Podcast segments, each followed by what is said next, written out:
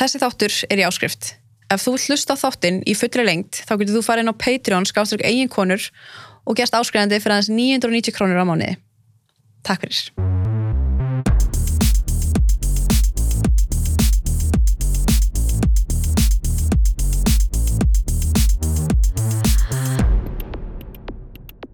Þá bara býðið bara velkomna Inga.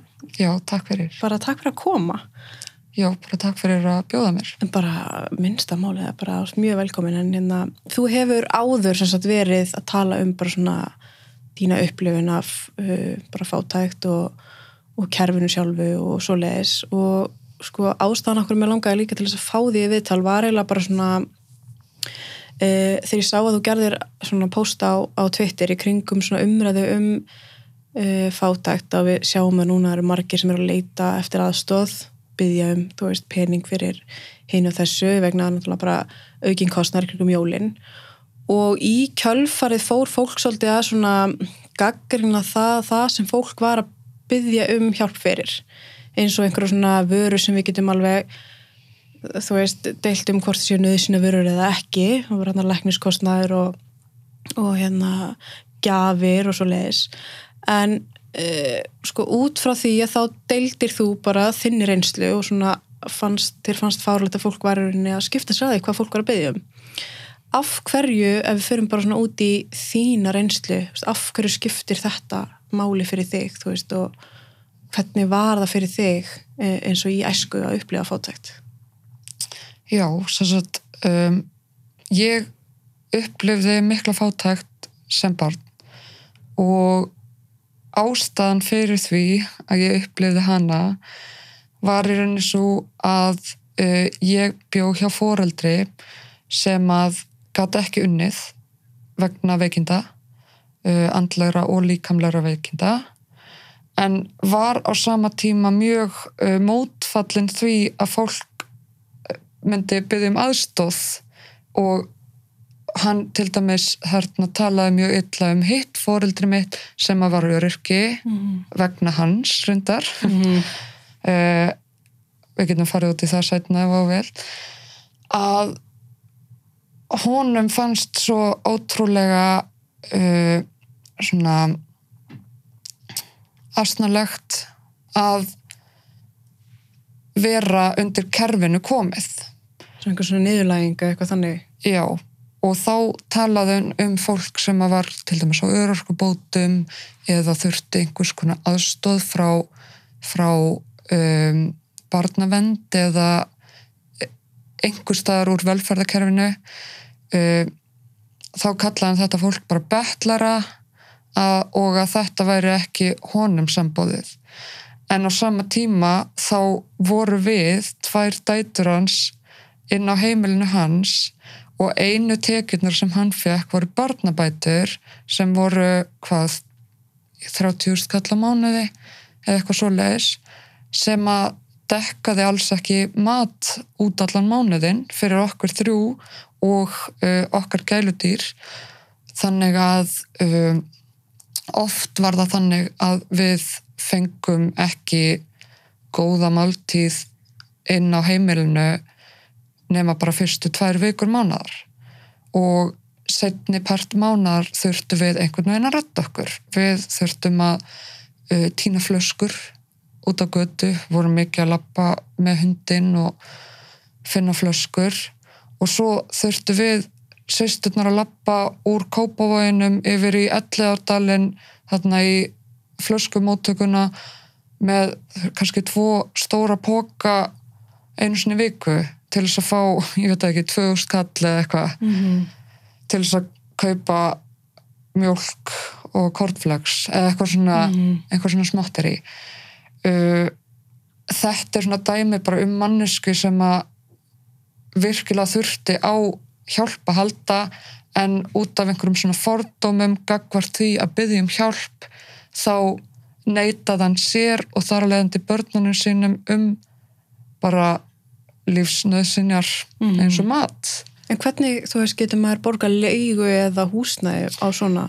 Já, það uh, er eitt gott ráð við því og það er að gerast hústökumanniska hjá uh, aldræri móður sinni sem að var tilfellið hjá honum Mhm. og já, hann sérst flutti bara með okkur inn á mömmu sína, ömmu mína og uh, svo náttúrulega dó hún en hann, eðust, við byggum bara áfram þarna. Mhm. og ég enn í dag skil ekki til dæmis hvernig reikningar voru borgaðir ramagn og hiti.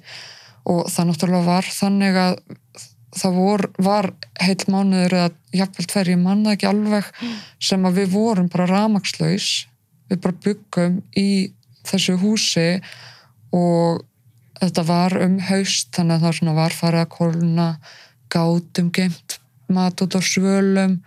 En ég meina það er ekkit eðlilegt ástand í velferðarsamfélagi eins og Ísland er að vera ramagslaus þetta er bara eins og þú sért komin aftur á 19. öld. Veist, það er ekki ljós þú veist, maður gæti ekki lesið eftir að það byrjaði að dimma. Veist, það er náttúrulega ekki ískápur það er ekki veist, það heyrist ekki hljóð í húsinu það er allt einhvern veginn alveg uh, ótrúlega svona hljótt dimmt, mjög svona draugalegt Mhm. að það heyri ekki rafmagni ef maður er vanur en, nútíma hvernig, samfélagi hvernig voru þá hérna, föt þvegin og Herðu, á þeim tíma ég, þú veist ég hef verið sko 12 ára.